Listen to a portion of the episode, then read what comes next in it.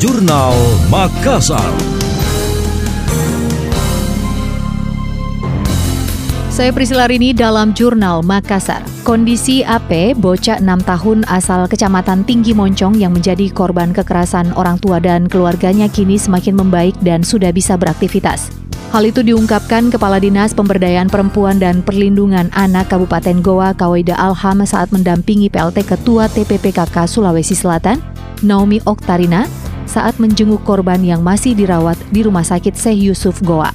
Menurut Kawaida, pihaknya terus melakukan pendampingan terhadap korban dan terus memberikan fasilitas perawatan hingga korban benar-benar pulih, termasuk melakukan trauma healing kepada korban.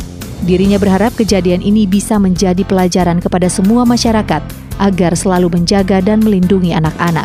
Harapan yang sama disampaikan PLT Ketua TPPKK Sulawesi Selatan Naomi Oktarina Dirinya berharap ke depan tidak ada lagi kasus kekerasan terhadap anak. Yang ini yang baru ketahuan, mungkin masih banyak di luar sana yang seperti ini. Kita tidak tahu.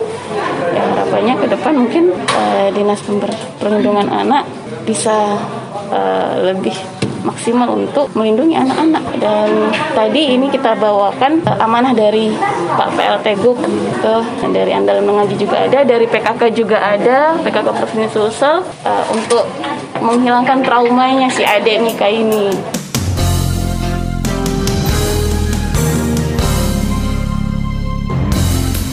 Dalam kesempatan yang sama, Ketua TPPKK Kabupaten Goa Priska Paramita Adnan berkomitmen untuk memastikan korban mendapatkan seluruh layanan yang dibutuhkan, baik secara medis maupun pasca pemulihannya nanti.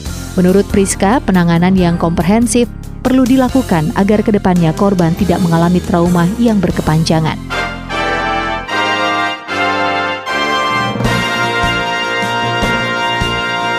Demikian tadi, Jurnal Makassar.